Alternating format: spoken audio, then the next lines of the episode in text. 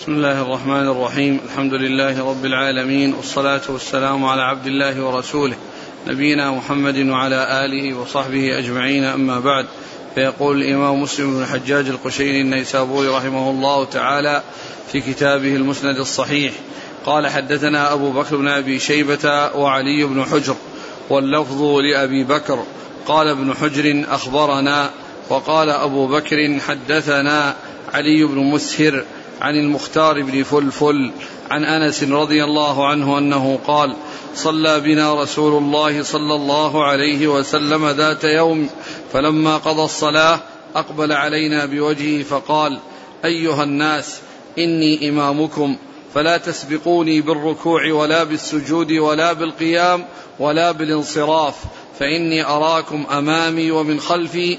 ثم قال والذي نفس محمد بيده لو رأيتم ما رأيت لضحكتم قليلا ولبكيتم كثيرا. قالوا وما رأيت يا رسول الله؟ قال رأيت الجنة والنار. بسم الله الرحمن الرحيم الحمد لله رب العالمين وصلى الله وسلم وبارك على عبده ورسوله نبينا محمد وعلى آله وأصحابه أجمعين أما بعد.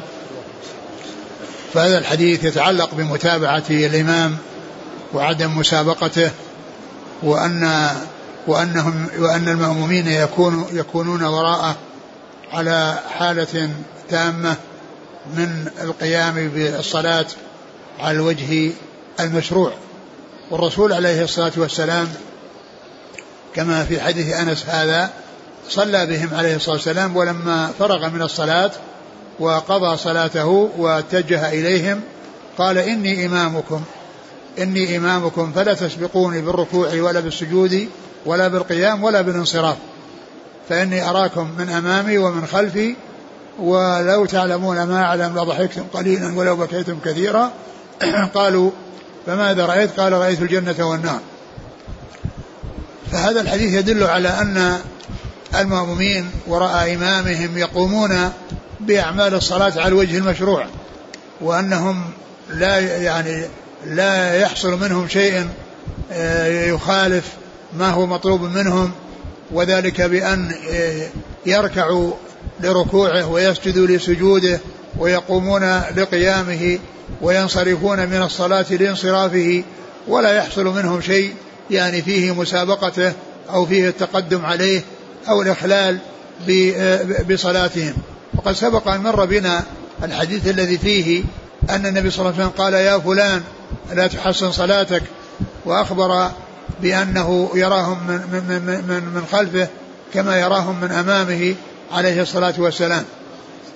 وهذا الحديث أيضا يعني قاله بعد الصلاة ولعل ذلك لأنه رأى منهم على الهيئة التي أطلعه الله عز وجل عليهم بها وهي كونه يراهم من ورائه عليه الصلاة والسلام فرأى منهم من حصل من حصل منه شيء من التقصير والمسابقة فقال إني إمامكم فلا تسبقوني بالركوع ولا بالسجود ولا بالقيام ولا ولا بالانصراف.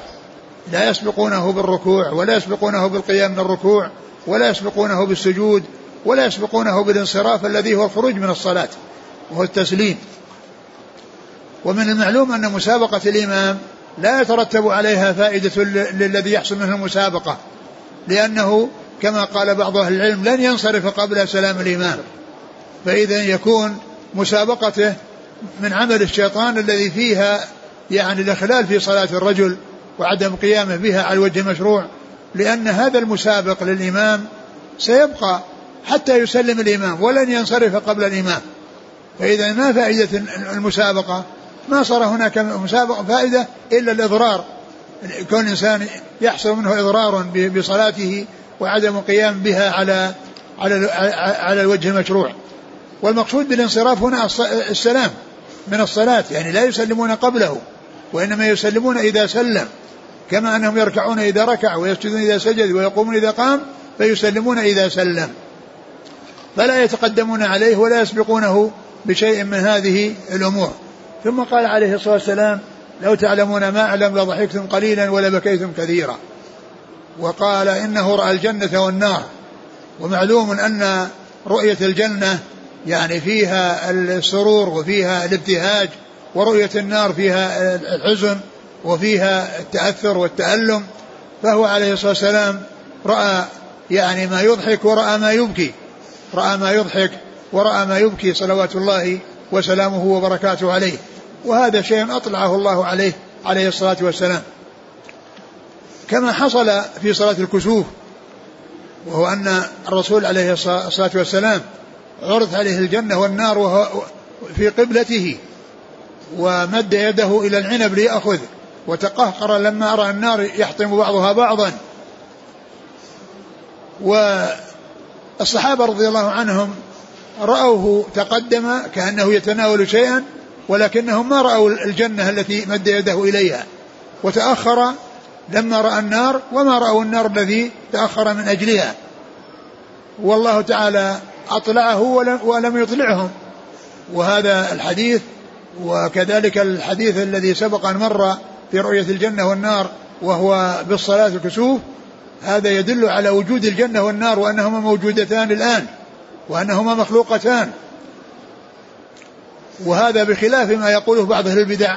إن الجنة والنار لا تخلقان إلا يوم القيامة لأنهما لو وجدتا قبل يوم القيامة ولم أحد ينعم فيهما ولم يعذب ينعم في الجنة ويعذب في النار يكون هذا عبث.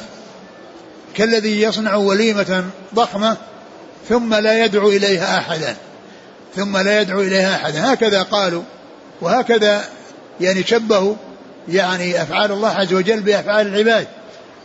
ولا شك أن الجنة والنار موجودتان والمنعم منعم بالجنة في قبره والمعذب معذب في النار في قبره. وقد قال الله عز وجل عن آل فرعون النار يعرضون عليها غدوا وعشيا يعني في قبورهم. ويوم تقوم الساعة أدخلوا آل فرعون أشد العذاب. ينتقلون من عذاب شديد في القبور إلى عذاب شديد بأن يعني يلقوا في النار. بأن يلقوا في النار وكذلك بالنسبة للجنة ينعم من ينعم فيها. وقد جاء ذلك في حديث البراء بن عازب الذي في مسند الإمام أحمد وهو حديث صحيح. عندما ذكر السؤال في القبر عن الرسول عن عن الرب والنبي والدين وقال إنه إذا كان من الموفقين فتح على باب الجنة فيأتي من روحها ونعيمها وفتح وإذا كان من أهل من المعذبين فتح إلى النار فياتيه من حرها وسمومها. فإذا النعيم حاصل بالقبور لأهل القبور لمن كان من المنعمين والعذاب حاصل في القبور للمعذبين من أصحاب القبور. نعم. قال حدثنا أبو بكر بن أبي شيبة وعلي بن مس وعلي بن حجر. عن علي بن مسهر عن المختار بن فلفل عن أنس. نعم. قال حدثنا قتيبة بن سعيد قال حدثنا جرير قحاء قال وحدثنا ابن نمير وإسحاق بن إبراهيم عن ابن فضيل جميعا عن المختار عن أنس رضي الله عنه عن النبي صلى الله عليه وآله وسلم بهذا الحديث وليس في حديث جرير ولا بالانصراف. ثم ذكر هذه الطريقة الأخرى وهي يعني مماثلة للطريقة السابقة إلا أنه ليس فيها الانصراف. يعني فيها الركوع والسجود والقيام وليس فيها الانصراف الذي هو السلام. وهذا يعني دل عليه الرواية السابقة. دلت عليه الرواية السابقة. فإذا الرواية الروايتان اتفقتا على القيام والركوع والسجود وافترقتا في الانصراف بأن الأولى فيها انصراف والثانية خلت من ذكر الانصراف. نعم. قال حدثنا قتيبة بن سعيد عن جرير. بن عبد الحميد الضبي الكوفي. قال وحدثنا ابن نمير. محمد بن عبد الله بن نمير. وإسحاق بن إبراهيم عن ابن فضيل. وهو آه، محمد بن فضيل بن غزوان. عن المختار عن أنس. نعم.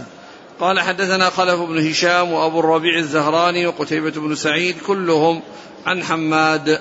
قال خلف حدثنا حماد بن زيد عن محمد بن زياد. قال حدثنا أبو هريرة رضي الله عنه قال قال قال قال محمد صلى الله عليه وسلم أما يخشى الذي يرفع رأسه قبل الإمام أن يحول الله رأسه رأس حمار؟ نعم.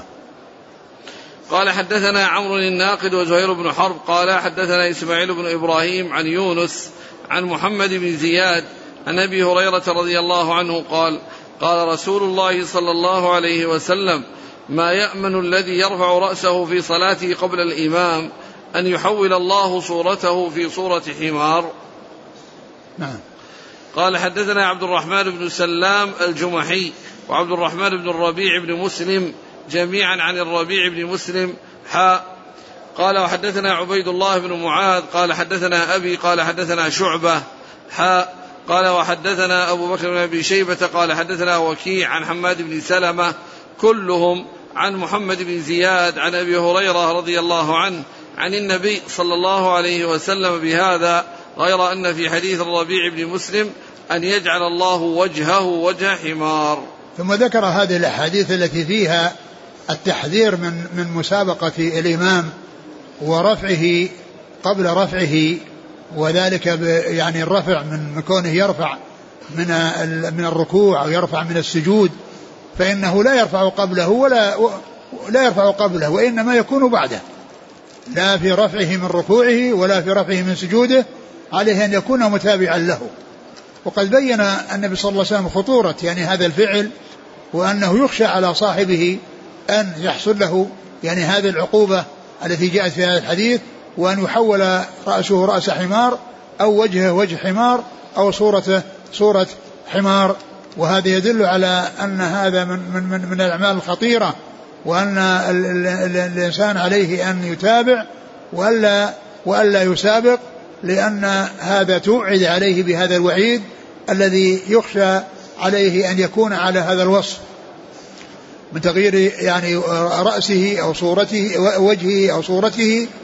ف وهذه الألفاظ لا تنافي بينها لأن الرأس يعني فيه الوجه والصورة. التي هي تعرف إنما هي تعرف ب تعرف بالوجه ويعرف الإنسان يعرف الإنسان بوجهه. لا يعرف برجله ولا بيده وإنما يعرف بوجهه. نعم. قال حدثنا خلف بن هشام نعم. وأبو الربيع الزهراني وسليمان بن داود. وقتيبة بن سعيد كلهم عن حماد. قال خلف حدثنا حماد بن زيد عن محمد بن زياد عن نعم. أبي هريرة. نعم. قال حدثنا عمرو الناقد وزهير بن حرب عن إسماعيل بن إبراهيم عن يونس. يونس يعني عن محمد بن زياد. يونس بن عبيد. نعم. عن أبي هريرة. نعم. قال حدثنا عبد الرحمن بن سلام الجمحي وعبد الرحمن بن الربيع بن مسلم عن الربيع بن مسلم. حا قال وحدثنا عبيد الله بن معاذ عن أبيه. معاذ بن معاذ العنبري.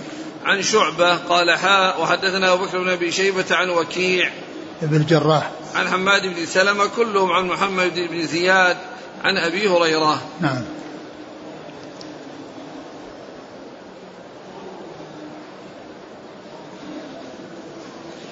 قال رحمه الله تعالى حدثنا أبو بكر بن أبي شيبة وأبو كريب قال حدثنا أبو معاوية عن الأعمش عن المسيب عن تميم ابن عن طرفة. عن عن عن المسيب أه عن تميم ابن طرفة نعم. عن جابر بن سمرة رضي الله عنه قال قال رسول الله صلى الله عليه وسلم لا ينتهين أقوام يرفعون أبصارهم إلى السماء في الصلاة أو لا ترجع إليهم. وهذا قال نعم. قال حدثني أبو الطاهر وعمرو بن سواد قال أخبرنا ابن وهب قال حدثني الليث بن سعد عن جعفر بن ربيعة عن عبد الرحمن الأعرج عن أبي هريرة رضي الله عنه أن رسول الله صلى الله عليه وسلم قال لينتهين أقوام عن رفعهم أبصارهم عند الدعاء في الصلاة إلى السماء أو لتخطفن أبصارهم. ثم ذكر هذا الحديث أو هذا الحديث المتعلق برفع البصر إلى السماء في الصلاة. والإنسان في صلاته لا ينظر يعني إلى السماء ولا ينظر أمامه وإنما ينظر إلى موضع سجوده. ينظر إلى موضع سجوده.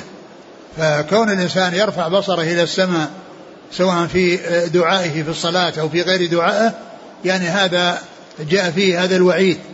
وأن وأن صاحبه يعني إذا لم تهي ينتهي ينتهي فيخشى أن تصيبه هذه العقوبة وهو أن تخطف أبصارهم أو لا ترجع إليهم أبصارهم.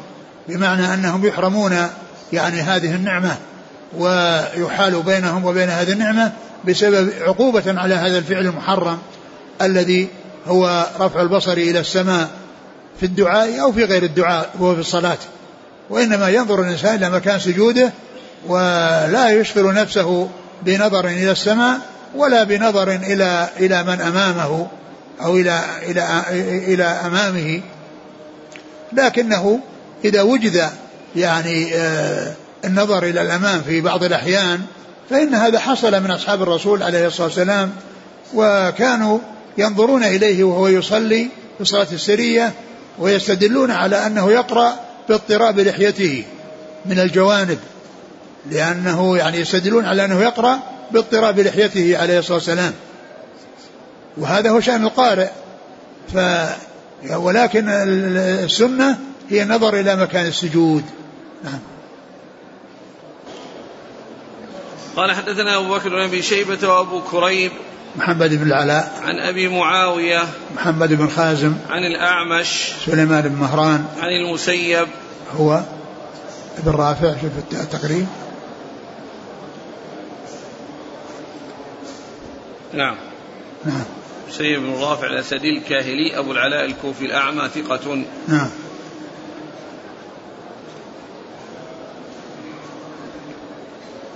عن تميم بن طرفة نعم. عن جابر بن سمرة. نعم.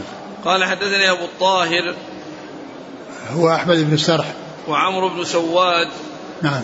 عن عن ابن وهب. عبد الله بن وهب. عن الليث بن سعد عن جابر بن ربيع عن عبد الرحمن الأعرج. نعم. عن أبي هريرة. نعم. قال حدثنا أبو بكر بن أبي شيبة وأبو كريب. قال حدثنا أبو معاوية عن الأعمش عن المسيب بن رافع. عن تيم بن طرفة عن جابر سماه سماه بالإسناد اللي بعده. نعم. عن جابر بن سمرة رضي الله عنه قال خرج علينا رسول الله صلى الله عليه وسلم فقال ما لي أراكم رافعي أيديكم كأنها أذناب خيل شمس. اسكنوا في الصلاة. قال ثم خرج علينا فرآنا حلقا. فقال ما لي أراكم عزين. قال ثم خرج علينا فقال ألا تصفون كما تصف الملائكة عند ربها؟ فقلنا يا رسول الله وكيف تصف الملائكة عند ربها؟ قال يتمون الصفوف الأول الأول ويتراصون في الصف. ثم ذكر هذا الحديث الذي فيه عن أبي هريرة أن النبي صلى الله عليه وسلم خرج عليهم وقال ما لي أراكم رافعي أكفكم؟ أيديكم رافعي أيديكم. كأنها أذناب كأنها أذناب خيل شمس.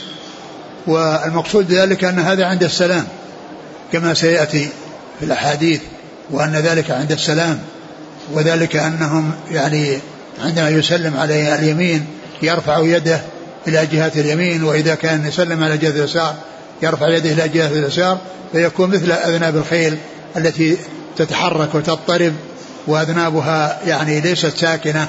وليست يعني مستقرة وإنما تتحرك. ف ف الرسول عليه السلام نهاهم عن ذلك وأمرهم بأن يسكنوا في الصلاة. أمرهم بأن يسكنوا في الصلاة وألا يحصل منهم مثل هذا الفعل الفعل عند السلام. نعم. بعده ثم خرج علينا؟ ثم خرج علينا فرآنا حلقا. فرآنا حلقا فقال ما لي أراكم عزين. ما لي أراكم عزين يعني متفرقين. ما لي أراكم عزين يعني متفرقين. نعم. ثم خرج علينا فقال ألا تصفون؟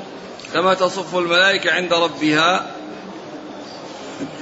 نعم. ثم ثم خرج عليهم وقال ألا تصفون كما تصف الملائكة عند ربها؟ قالوا كيف تصف؟ قالوا يتمون الصف الأول في الأول ويتراصون في الصف. ويتراصون في الصف. نعم. قال وحدثني أبو سعيد الأشج قال حدثنا وكيع حا قال وحدثنا إسحاق بن إبراهيم قال أخبرنا عيسى بن يونس قال جميعا حدثنا الأعمش بهذا الإسناد نحوه. نعم. قال وحدثني أبو سعيد الأشج. هو عبد الله بن سعيد. عن وكيع حا قال حدثنا إسحاق بن إبراهيم عن عيسى بن يونس. نعم. قال حدثنا أبو بكر بن أبي شيبة قال حدثنا وكيع عن مسعر حا قال وحدثنا أبو كريب واللفظ له. قال أخبرنا ابن أبي زائدة عن مسعر قال حدثني عبيد الله بن القبطية عن جابر بن سمرة رضي الله عنه قال كنا إذا صلينا مع رسول الله صلى الله عليه وسلم قلنا السلام عليكم ورحمة الله السلام عليكم ورحمة الله وأشار بيده إلى الجانبين فقال رسول الله صلى الله عليه وسلم على ما تومئون بأيديكم كأنها أذناب خيل شمس. إنما يكفي أحدكم أن يضع يده على فخذه ثم يسلم على أخيه من من على يمينه وشماله. ثم من ذكر على يمينه وشماله. ثم ذكر هذا الحديث الذي فيه تفصيل يعني ما جاء في الأول وأن هذا عند السلام وأنهم كانوا يحركون أيديهم إلى جهة اليمين إذا كان السلام إلى جهة اليمين ويحركونها جهة اليسار إذا كان عند السلام على جهة اليسار. وقال ما لي أراكم؟ يعني تفعلون كذا وكذا كالخيل. إنما يكفي أحدكم أن يضع يده على فخذه ويقول السلام عليكم ورحمة الله السلام عليكم ورحمة الله. وهذا فيه دليل على أن الإنسان عندما يسلم فإنه يضع يديه. قد كان الإنسان وضع يديه ويعني وحلق يعني الإبهام مع الوسطى ويحركها ولكنه إذا جاء عند السلام يضعها ثم يسلم قال ما يكفي أحدكم أن يضع يديه على فخذيه ثم يسلم يعني دون أن يحركها يمين وشمال. نعم.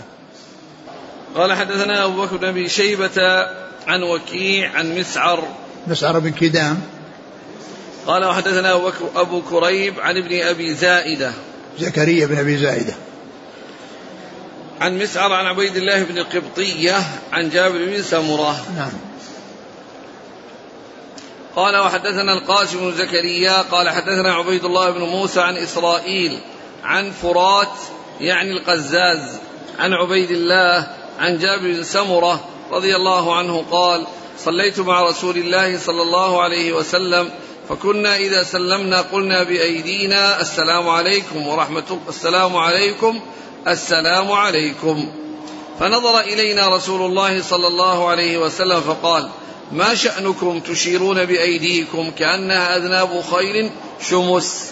إذا سلم أحدكم فليلتفت إلى صاحبه ولا يومئ بيده. الحديث السابق قال أخيه من, من عن يمينه ومن شماله والمقصود بأخيه هنا الجنس. وليس المقصود الفرد. يعني يسلم على من يمينه يعني من إخوانه وعلى من يساره من إخوانه. وليس المقصود أن السلام على من يكون بجواره وإنما يكون السلام على من على يمينه وتعبير التعبير بالأخ هنا المقصود به الجنس وليس المقصود به الإفراد وإنما المقصود به الإفراد يعني إخوانه من على يمينه ومن على شماله أو من على يمينه ومن على شماله. إيش قال؟ في الحديث المتن.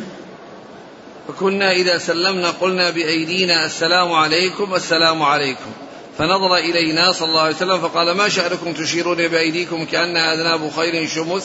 إذا سلم أحدكم فليلتفت إلى صاحبه ولا يومئ بيده. نعم. فيه الاقتصار على السلام عليكم فقط. يعني جائز لكن السلام عليكم ورحمة الله هذا هو الكثير. السلام عليكم ورحمة الله هذا هو الكثير. وجاء أيضا في بعض الروايات يعني وبركاته لكن الكثير الذي كان يعني آه، آه، يفعله الرسول صلى الله عليه وسلم ويفعل الصحابة آه، السلام عليكم ورحمة الله. نعم. قال حدثنا القاسم زكريا عن عبيد الله بن موسى عن إسرائيل إسرائيل بن أبي بن يونس بن أبي إسحاق.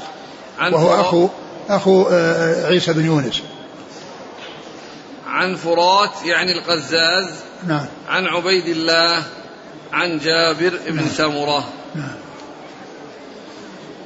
قال رحمه الله تعالى حدثنا أبو بكر بن أبي شيبة قال حدثنا عبد الله بن إدريس وأبو معاوية ووكيع عن الأعمش عن عمارة بن عمير التيمي عن أبي معمر عن أبي مسعود رضي الله عنه أنه قال كان رسول الله صلى الله عليه وآله وسلم يمسح مناكبنا في الصلاة ويقول استووا ولا تختلفوا فتختلف قلوبكم. لينوا لين ليلني منكم أولو الأحلام والنهى ثم الذين يلونهم ثم الذين يلونهم. قال أبو مسعود فأنتم اليوم أشد اختلافا. ثم ذكر حديث ابن مسعود رضي الله تعالى عنه يعني في فيما يتعلق بتسوية الصفوف وأن الرسول صلى الله عليه وسلم كان يسوي صفوفهم يعني ويمسح على مناكبهم يعني حتى يكون المنكب على على سمت المنكب وعلى حذاء المنكب وأن لا يكون هناك تقدم ولا تأخر ولا يكون هناك أيضا آه، آه، آه، فرجة أو شيء يعني أو تباعد وإنما يكون كما جاء أنه يكون بالتراص ويكون بالتساوي بحيث لا يتقدم أحد على أحد ولا يتأخر أحد من أحد ولا يعني يكون هناك فجوة يعني بين بينهم في الصف وإنما يتراصون. كان يسوي كان يمسح على على مناكبهم ويقول استووا ولا تختلفوا فتختلف قلوبكم.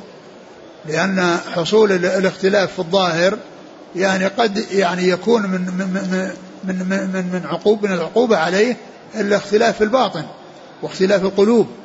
يعني إذا اختلفت يعني ظواهرهم وقد أمروا بعدم الاختلاف فإن ذلك قد يؤدي إلى الاختلاف في القلوب. ولا تختلف قلوبكم. ثم قال ليلني منكم الأحلام والنهى. يعني ليلني منكم الأحلام يعني في الصف الأول ووراءه عليه الصلاة والسلام يكون يعني وراءه من يكون هذا وصفه. ذوي الأحلام والنهى. والأحلام هي العقول والنهى هي العقول. قال الله عز وجل أم تأمرهم أحلامهم بهذا؟ أي عقولهم. في ذلك لآيات لأولي النهى يعني العقول. فيكون على هذا من قبيل العطف الاثنين المتماثلين لتغاير اللفظ. مثل قول الشاعر وألفى قولها كذبا ومينا. وألفى قولها كذبا ومينا الكذب هو المين والمين هو الكذب. وكذلك الأحلام هي العقول هي النهى والنهى هي العقول. وقيل إن كلمة الأحلام يعني يكون فيها بلوغ وعقل أن يكون فيها بلوغ وعقل. لكن الآية واضحة بقولهم تأمرهم أحلامهم بهذا أي عقولهم. نعم.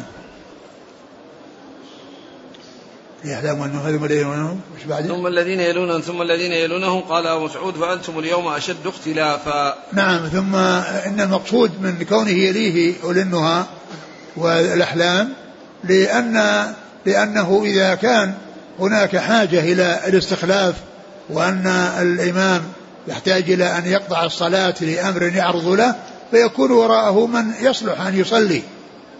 يصلح وراءه من يصلي وكذلك أيضا يعني يكون عندهم آه، تفطن وتنبه لأحوال المصلي إذا حصل منه سهو فإنهم ينبهونه.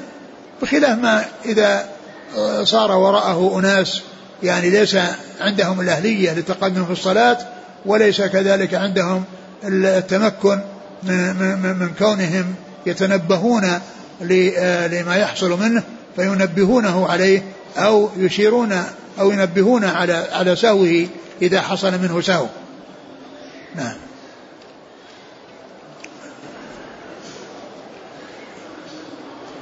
فأنتم اليوم أشد اختلافا. يعني آه، يشير أبو أبو مسعود رضي الله عنه إلى حصول يعني حصول الاختلاف لأن قال لا تختلفوا وتختلف قلوبكم.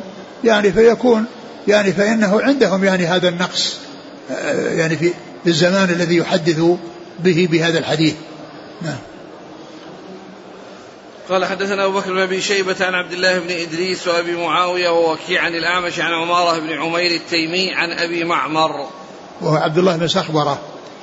عن أبي مسعود. عقبة بن عمرو الأنصاري. قال وحدثناه إسحاق قال أخبرنا جرير حا قال وحدثنا ابن خشرم قال أخبرنا عيسى يعني ابن يونس حا قال وحدثنا ابن أبي عمر قال حدثنا ابن عيينة بهذا الإسناد. نعم. قال وحدثناه إسحاق. نعم إسحاق بن إسحاق بن إبراهيم. عن جرير. بن عبد الحميد. حا قال وحدثنا ابن خشرم. علي بن خشرم. عن عيسى يعني ابن يونس. نعم. حا قال وحدثنا ابن أبي عمر. ومحمد بن يحيى بن أبي عمر العدني. عن ابن عيينة. نعم. قال حدثنا يحيى بن حبيب الحارثي وصالح بن حاتم بن وردان. قال حدثنا يزيد بن زريع قال حدثني خالد الحذاء عن أبي معشر عن إبراهيم عن علقمة عن عبد الله بن مسعود رضي الله عنه أنه قال قال رسول الله صلى الله عليه وآله وسلم ليلني منكم أولو الأحلام والنهى ثم الذين يلونهم ثلاثا وإياكم وهيشات الأسواق. ثم ذكر حديث مسعود وهو قول الرسول صلى الله عليه وسلم ليلي منكم احلامي والنهى. قال ذلك ثلاثا. وقال إياكم وهيشات الأسواق. هيشات الأسواق ما يحصل من الصخب واللغط يعني في, في, في الأسواق. فإن الرسول عليه الصلاه والسلام حذر يعني حذر من ذلك. وقد جاء عن النبي عليه الصلاة والسلام كما في صحيح مسلم أن أحب البقاع أو البلاد إلى الله مساجدها. وأبغض البلاد أو البقاع إلى الله أسواقها. يعني فالأسواق هي محل محل اللقط والأصوات والكلام الساقط والكلام الذي لا ينبغي. وأما المساجد فإن شأنها أن تكون لذكر الله عز وجل من الصلاة والتسبيح والتهليل وقراءة القرآن والاشتغال بالعلم النافع وغير ذلك مما هو مطلوب في المساجد. قال حدثنا يحيى بن حبيب الحارثي وصالح بن حاتم بن وردان عن يزيد بن زريع عن خالد الحذاء عن أبي معشر. آه، خالد مهران الحذاء وأبو معشر هو زياد بن كليب. عن إبراهيم. إبراهيم بن يزيد النخعي. عن علقمة. بن قيس النخعي. عن عبد الله بن مسعود. نعم. قال حدثنا محمد بن المثنى وابن بشار قال حدثنا محمد بن جعفر عن شعب قال حدثنا شعبة قال سمعت قتادة يحدث عن أنس بن مالك رضي الله عنه. سمعت؟ سمعت قتادة نعم. يحدث عن أنس بن مالك رضي الله عنه. قال قال رسول الله صلى الله عليه وسلم سووا صفوفكم فإن تسوية الصف من تمام الصلاة. ثم ذكر هذا الحديث تسوية الصفوف. وأن النبي صلى الله عليه وسلم كان يقول سووا صفوفكم فإن تسوية الصف من تمام الصلاة. فهذا من جملة الأحاديث التي فيها الأمر بتسوية الصفوف وقوله سووا صفوفكم أو يقول استووا كما مر في الحديث السابق استووا ولا تختلفوا فتختلف قلوبكم. نعم. الآن هذه الألفاظ التي يقولها الإمام لتسوية الصف هل هي توقيفية؟ الذي ورد عن الرسول صلى الله عليه وسلم يؤتى به. ولكنه إذا يعني أضيف, إضيف إذا أضيف إليه شيء يعني للتوضيح والتبيين مثل تقدموا في الصفوف تراصوا فيها لا يبقى فيها فرج أتموا الصف الأول فالأول. يعني لا بأس بذلك لكن ما ورد عن رسول الله صلى الله عليه وسلم يؤتى به. وإذا كان هناك اقتصار على كلام فإنه يقتصر على ما جاء عن رسول الله عليه الصلاة والسلام. وهل من المستحب أن يعني يداوم الإمام على هذه الألفاظ؟ والله إذا داوم على ذلك ما في بأس. قول استووا أو سووا صفوفكم. نعم.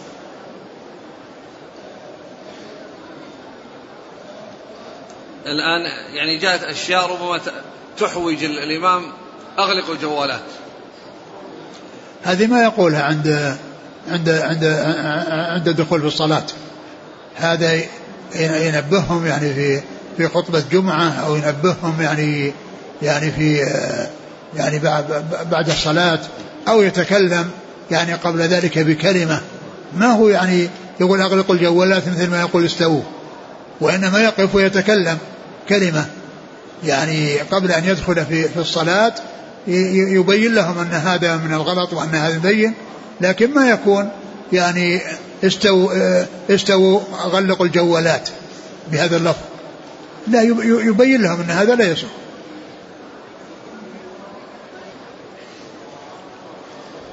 قال حدثنا محمد بن مثنى وابن بشار عن محمد بن جعفر عن شعبة عن قتادة عن أنس. نعم. قال حدثنا شيبان بن فروخ قال حدثنا عبد الوارث عن عبد العزيز وهو ابن صهيب عن أنس رضي الله عنه قال قال رسول الله صلى الله عليه وسلم أتموا الصفوف فإني أراكم خلف ظهري.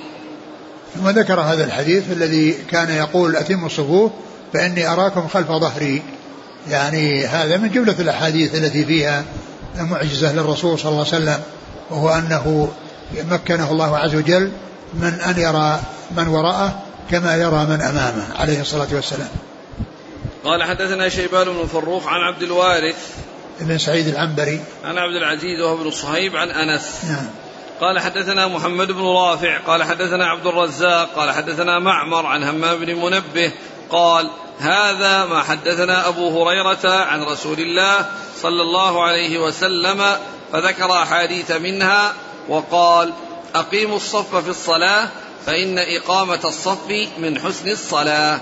ثم ذكر هذا الحديث عن أبي هريرة وهو من أحاديث الصحيفة وهو مشتمل على يعني إسناد مشتمل على طريقة الإمام مسلم في الرواية من الصحيفة وهو أنه إذا انتهى قال هذا ما حدثنا به أبو هريرة عن محمد رسول الله عليه الصلاة والسلام ثم قال فذكر أحاديث منها وقال رسول الله صلى الله عليه وسلم كذا. هذا حتى يفهم منها أن هناك أحاديث قبل هذا تجاوزها. نعم. أقيموا الصف فإن في الصلاة فإن إقامة الصف من حسن الصلاة. نعم مثل قوله من تمام الصلاة. أما أقيموا الصف فإن الله لا ينظر إلى الصف الأعوج. ما ثبت. أو ما ثبت في ذكر الصف الأعوج شيء قال حدثنا محمد بن رافع عن عبد الرزاق ابن همام. عن معمر بن راشد. عن همام بن منبه عن أبي هريرة. نعم. قال حدثنا أبو بكر بن أبي شيبة قال حدثنا غندر عن شعبة حا قال حدثنا محمد بن المثنى وابن بشار قال حدثنا محمد بن جعفر قال حدثنا شعبة عن عمرو بن مرة قال سمعت سالم بن أبي الجعد الغطفاني قال سمعت النعمان بن بشير رضي الله عنهما قال سمعت رسول الله صلى الله عليه وآله وسلم يقول لتسون صفوفكم أو ليخالفن الله بين وجوهكم. ثم ذكر هذا الحديث عن نعمان بن بشير لتسون صفوفكم ولا يخالفن الله بين وجوهكم. يعني معناه أنه يعني يحصل فيه يعني هذا الاختلاف الظاهر يعني يسوي يعني يدل أو يعني يؤثر أو يترتب عليه المخالفة يعني في الباطن. وأن تخالف يعني وجوههم يعني في اختلاف الوجهات وحصول الاختلاف الذي ينشأ عن الذي الذي هو الذي سببه اختلاف القلوب. وهذا فيه آه، كون النعمان بن بشير قال سمعت رسول الله صلى الله عليه وسلم يقول كذا. والنعمان بن بشير توفي توفي رسول الله عليه الصلاة والسلام وعمره ثمان سنين. ولهذا قالوا يعني أن الصغير يتحمل في حال صغره ويؤدي في حال كبره. وهذا من هذا القبيل. فإن النعمان بن بشير تحمل في آه، وسنه آه، ثمان أقل من ثمان سنوات ولكنه أدى بعد كبره. ولهذا قالوا إن الكافر إذا تحمل في حال كفره وأدى في حال إسلامه فذلك معتبر. والصغير إذا تحمل في حال صغره وأدى في حال كبره فإن ذلك معتبر. بخلاف الكافر إذا أدى في حال كفره لا يعتبر والصغير إذا أدى في حال صغره لا يعتبر. نعم.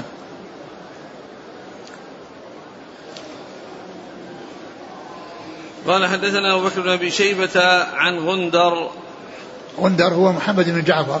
عن شعبة. حا قال حدثنا محمد المثنى وابن بشار عن محمد بن جعفر. ذكره في, في عن باسمه وبلقبه. عن شعبة عن عمرو بن مرة عن سالم بن أبي الجعد الغطفاني عن نعمان بن بشير. نعم. قال حدثنا يحيى بن يحيى قال أخبرنا أبو خيثمة عن سماك بن حرب قال سمعت النعمان بن بشير رضي الله عنهما يقول كان رسول الله صلى الله عليه وسلم يسوي صفوفنا حتى كأنما يسوي بها القداح حتى رآنا أن قد عقلنا عنه. ثم خرج يوما فقام حتى كاد يكبر فرأى رجلا باديا صدره من الصف فقال عباد الله لتسون صفوفكم. أو ليخالفن الله بين وجوهكم. ثم ذكر هذا الحديث وذكر سببه وهو أن الرسول صلى الله عليه وسلم كان يسوي صفوفهم كما يسوي القداح يعني كما سوى القداح والقداح هي السهام التي تكون على نسق واحد ومتماثلة يعني متساوية فلا يكون فيها تفاوت و يعني فلما رأى عقلنا يعني كان يعني يفعل ذلك بيده بالتسوية وكما مر أنه يمسح على على أكتافنا. فلما رأى أن عقد أن عقلنا يعني فهموا ما أراده منهم الرسول صلى الله عليه وسلم وما فعله الرسول عليه الصلاة والسلام معهم. فأراد أن يكبر فرأى رجلا قد بدا صدره يعني أنه متقدم متقدم على الصف وقد ظهر فقال عباد الله لا تسوون صفوفكم أو لا يخالفن الله بين وجوهكم. قال حدثنا يحيى بن يحيى عن أبي خيثمة. وهو, وهو زهير بن معاوية لأن هناك أبو خيثمة اثنان وكل منهما زهير. أبو خيثمة زهير بن حرب وأبو خيثمة زهير بن معاوية. وأبو خيثمة هو من شيوخ مسلم بل من الذين أكثر عنهم مسلم. وأما زهير بن معاوية فهو من شيوخ شيوخه. ولهذا يروي عنه هنا يروي عنه بواسطة أبو خيثمة زهير بن معاوية وأبو خيثمة زهير بن حرب هذا شيخه فشيخه زهير وشيخ شيخه زهير وكل منهما يقال له أبو خيثمة نعم. عن سماك بن حرب نعم. عن النعمان بن بشير نعم.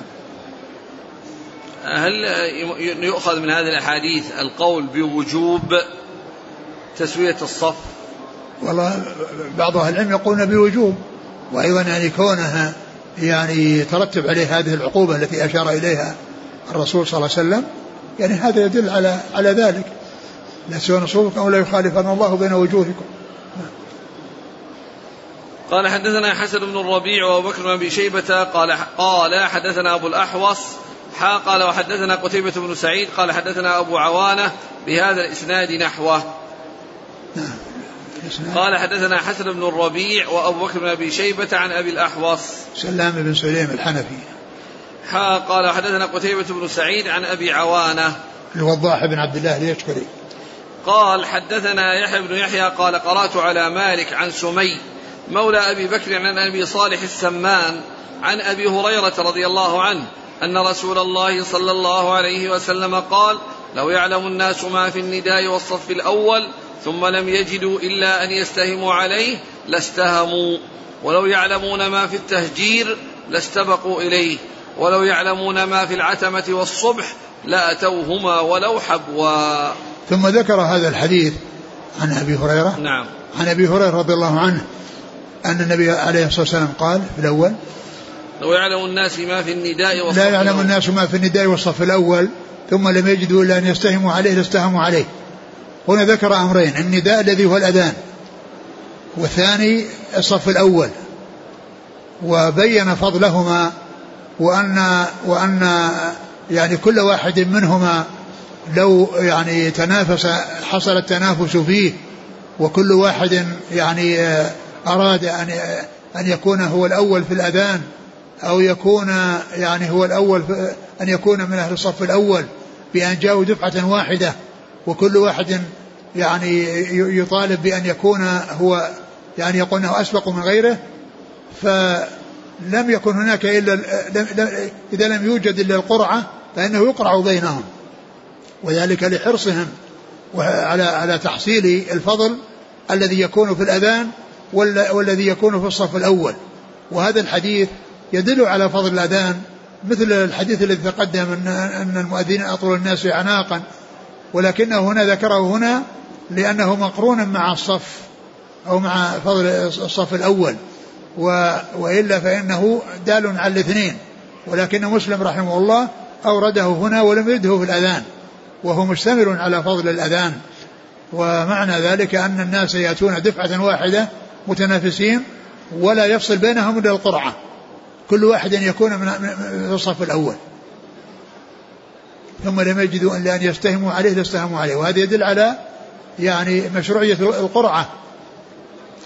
وقد جاء في ذلك أحاديث متعددة يعني في ذكر القرعة ومشروعيتها وذلك في الشيء الذي يكون فيه التساوي ويراد فيه التمييز بين هؤلاء المتساوين الذين لا يميز بعضهم على بعض إلا بالقرعة. نعم. ولو يعلمون ما في التهجير التبكير. التبكير للصلاة. التهجير هو التبكير. يعني يعني يبكر إليها وليحصلوا الأجر والثواب.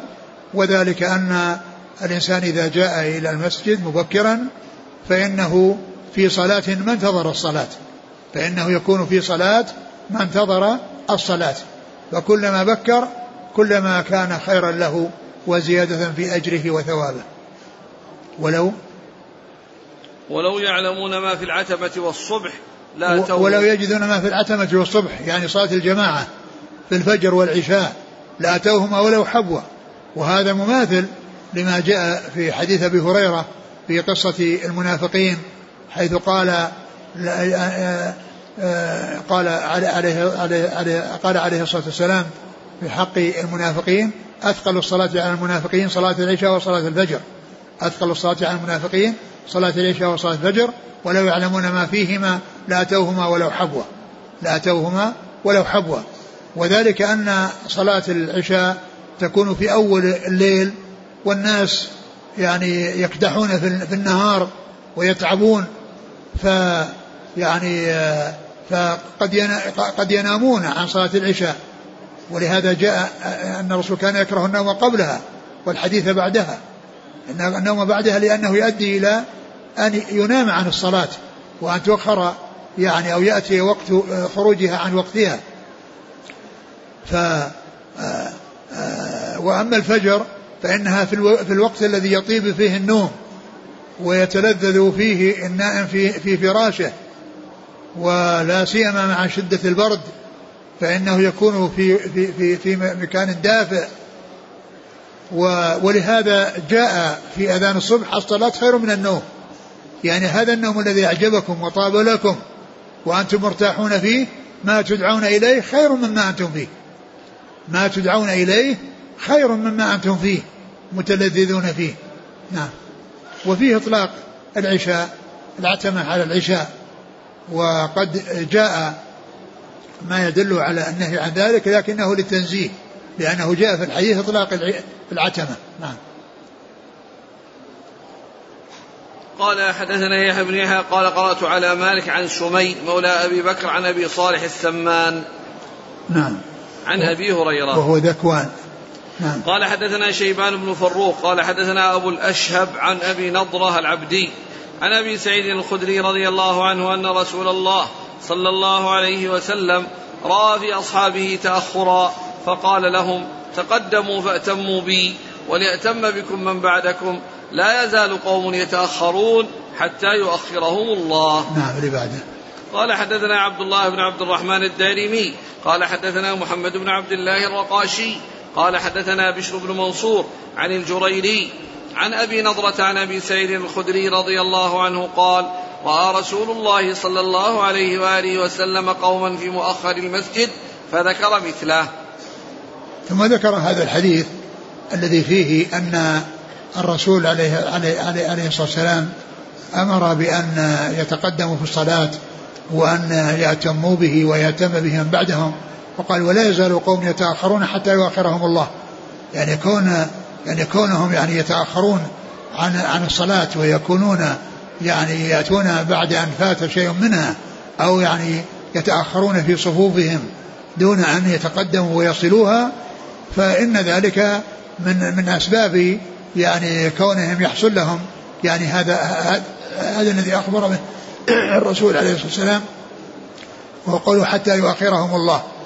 يعني فيكون هذا التأخير الذي هو حسي بتأخير يعني في عدم حصول الأجر والثواب وتأخر عن تحصيل الدرجات العالية والمنازل الرفيعة التي تحصل بالمنافسة والمسابقة إلى الصف الأول ووصل الصفوف. وذلك أن الصفوف لا ينشأ الصف الثاني إلا إذا امتلأ الأول ولا ينشأ الثالث إلا إذا امتلأ الثاني. ولا ينشأ الرابع إلا إذا امتلأ الثالث وهكذا. نعم. قال حدثنا شيبان بن فروخ عن أبي الأشهب. وهو وهو جعفر بن حيان. عن أبي نضرة العبدي. وهو المنذر بن مالك بن قطعة. عن أبي سعيد الخدري. نعم. قال حدثنا عبد الله بن عبد الرحمن الدارمي عن محمد بن عبد الله الرقاشي عن بشر بن منصور عن الجريري وهو سعيد بن إياس. عن أبي نضرة عن أبي سعيد الخدري. نعم. قال حدثنا إبراهيم بن دينار ومحمد بن حرب الواسطي. قال حدثنا عمرو بن الهيثم أبو قطن. قال حدثنا شعبة عن قتادة عن خلاس عن أبي رافع عن أبي هريرة رضي الله عنه عن النبي صلى الله عليه وآله وسلم أنه قال لو تعلمون أو يعلمون ما في الصف المقدم لكانت قرعة. وقال ابن حرب الصف الأول ما كانت إلا قرعة. ثم ذكر يعني هذا الحديث وهو مثل الحديث الأول الذي لو يعلم الناس ما في النداء والصف الأول ثم لم يجدوا لن يستهموا عليه. هذا مثله.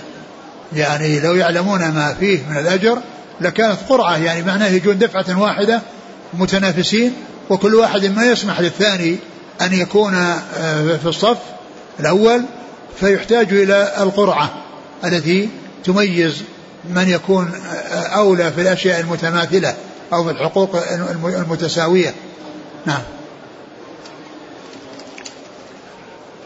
الإسناد. قال حدثنا إبراهيم بن دينار ومحمد بن حرب الواسطي عن عمرو بن الهيثم أبي قطن عن شعبة عن قتادة عن خلاس. خلاس بن عمرو. عن أبي رافع وهو نفيع الصائغ. عن أبي هريرة قال حدثنا زهير بن حرب قال حدثنا جرير عن سهيل عن أبيه عن أبي هريرة رضي الله عنه قال قال رسول الله صلى الله عليه وسلم خير صفوف الرجال أولها وشرها آخرها وخير صفوف النساء آخرها وشرها أولها. وهذا فيه بيان الفرق بين الرجال والنساء في الصفوف. إذا كانوا مجتمعين في المسجد ويعني ويعني وليس هناك يعني صفوف يعني صفوف النساء يعني ليس هناك يعني شيء يفصلها عن صفوف الرجال. فإن خير صفوف الرجال أولها وشرها آخرها وخير صفوف النساء آخرها وشرها أولها. وذلك أن شر الصفوف للنساء متصل أو قريب من شر صفوف الرجال وذلك لما يترتب عليه من نظر الرجال إلى النساء ونظر النساء إلى الرجال. ولكن إذا كان هناك النساء يصلين على حدة فإن الصفوف الأول في حقهن أولى من المتأخرة لأن التأخر هذا إنما إذا كنا مع الرجال.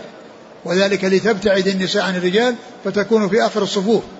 ويبتعد الرجال عن النساء فيكون في أول الصفوف. ويكون المقدم من النساء قريبا من المؤخر من الرجال الذي وصفها رسول الله صلى الله عليه وسلم بأنها بأنها شر الصفوف.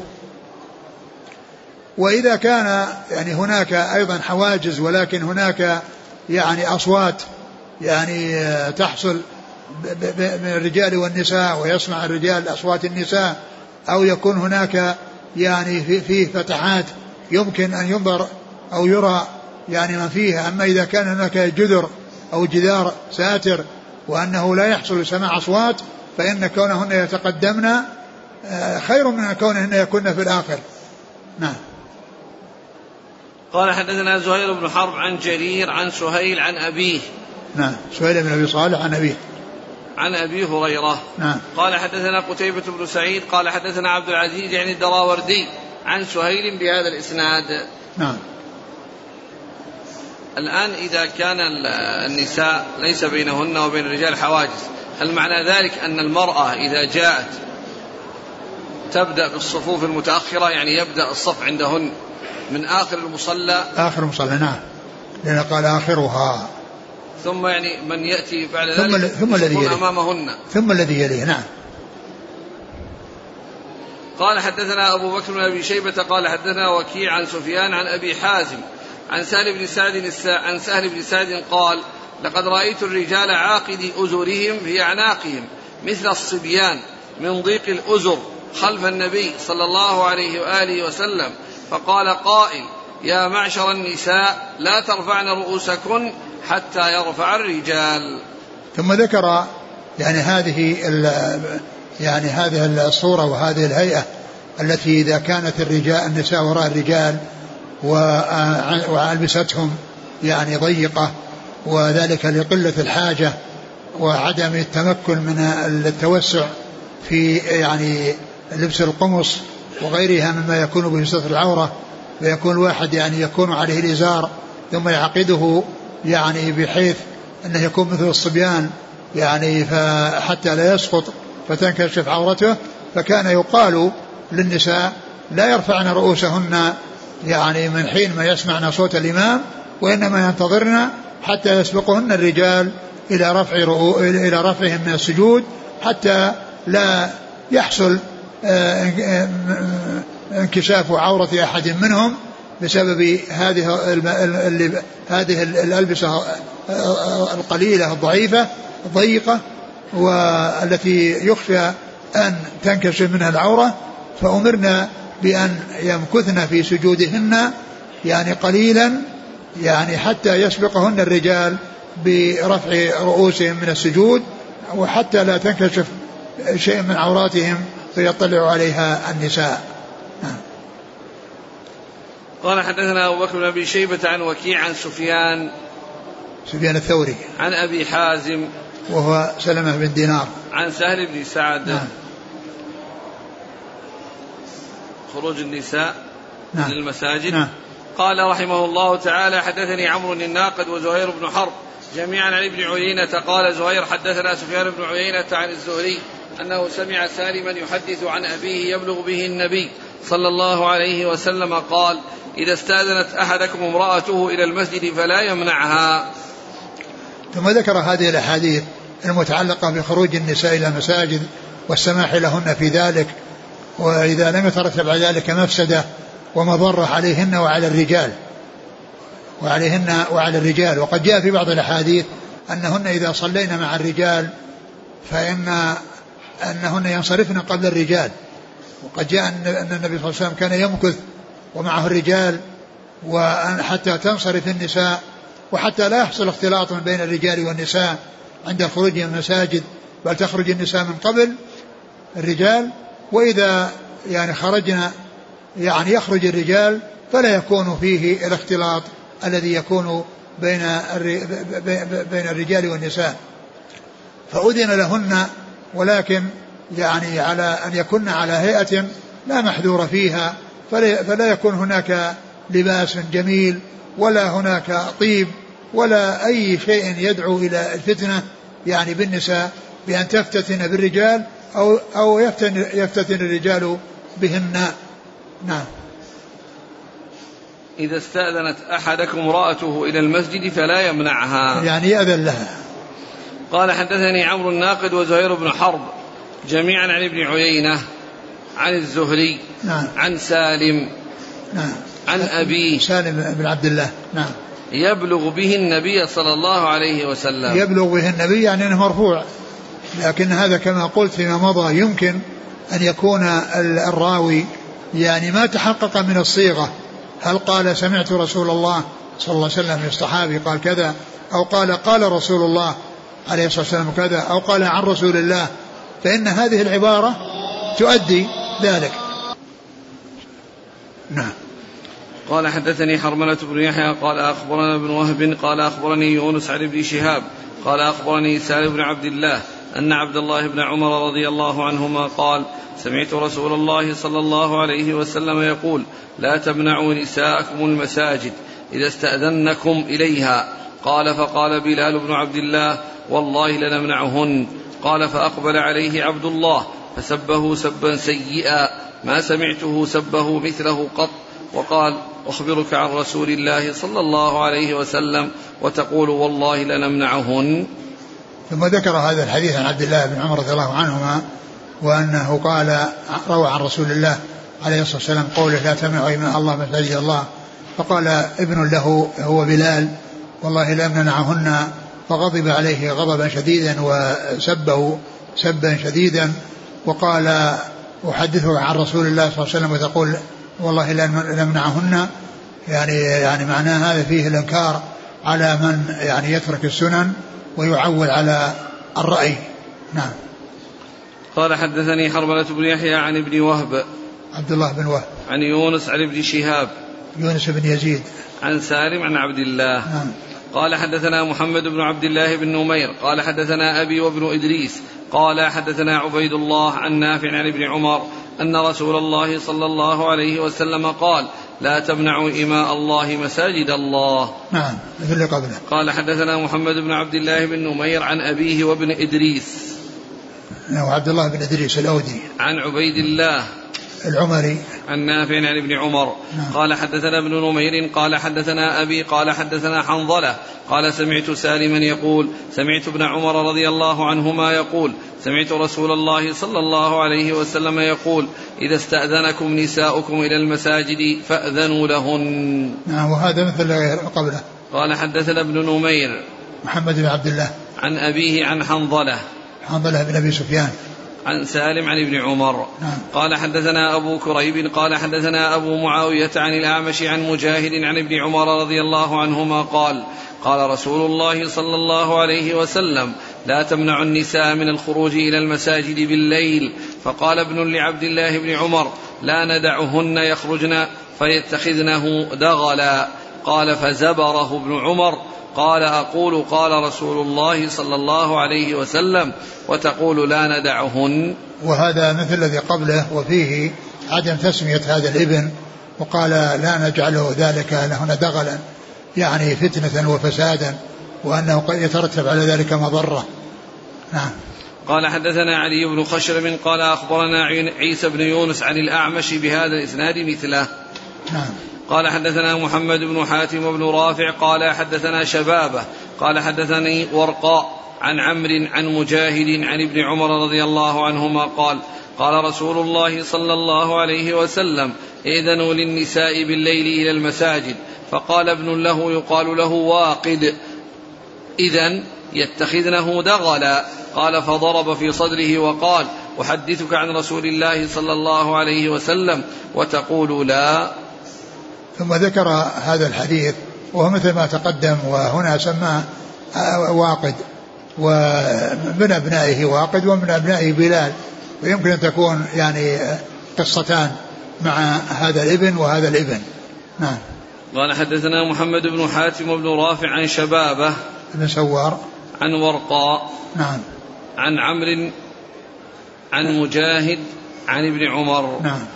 قال حدثنا هارون بن عبد الله قال حدثنا عبد الله بن يزيد المقرئ قال حدثنا سعيد يعني بن أبي أيوب قال حدثنا كعب بن علقمة عن بلال بن عبد الله بن عمر عن أبيه رضي الله عنه قال قال رسول الله صلى الله عليه وسلم لا تمنعوا النساء حظوظهن من المساجد إذا استأذنوكم فقال بلال والله لنمنعهن فقال له عبد الله أقول قال رسول الله صلى الله عليه وسلم وتقول أنت لنمنعهن. وهذا مثل ما قدم.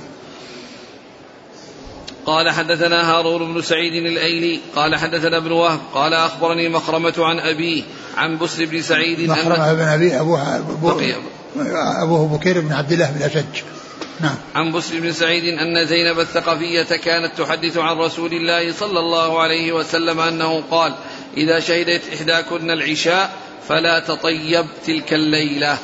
ثم ذكر هذا الحديث عن زينب الثقفية وهي زوجة عبد الله بن عمر وهي صفية بنت أبي عبيد الثقفية.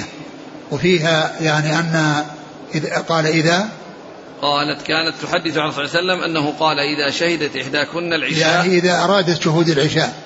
إذا أرادت شهود العشاء فلا تطيب. يعني تلك الليلة يعني قبل ذهابها. أما كونها تطيب بعد مجيئها من المسجد فلا مانع منه. نعم.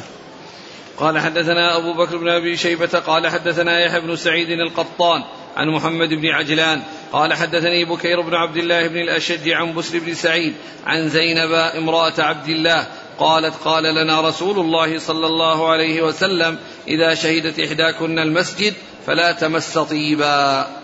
إذا شهدت يعني أرادت شهود. نعم.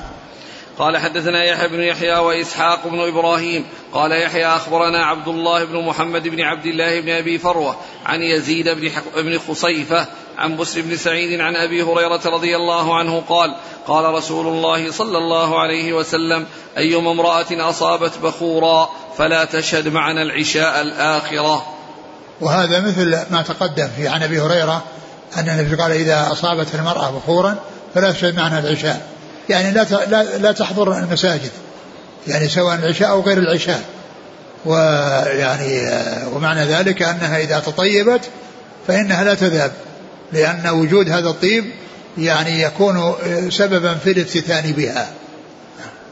قال حدثنا عبد الله بن مسلمة بن قعنب قال حدثنا سليمان يعني بن بلال عن يحيى وهو بن سعيد عن عمرة بنت عبد الرحمن أنها سمعت عائشة رضي الله عنها زوج النبي صلى الله عليه وسلم تقول لو أن رسول الله صلى الله عليه وسلم رأى ما أحدث النساء لمنعهن المسجد كما منعت نساء بني إسرائيل.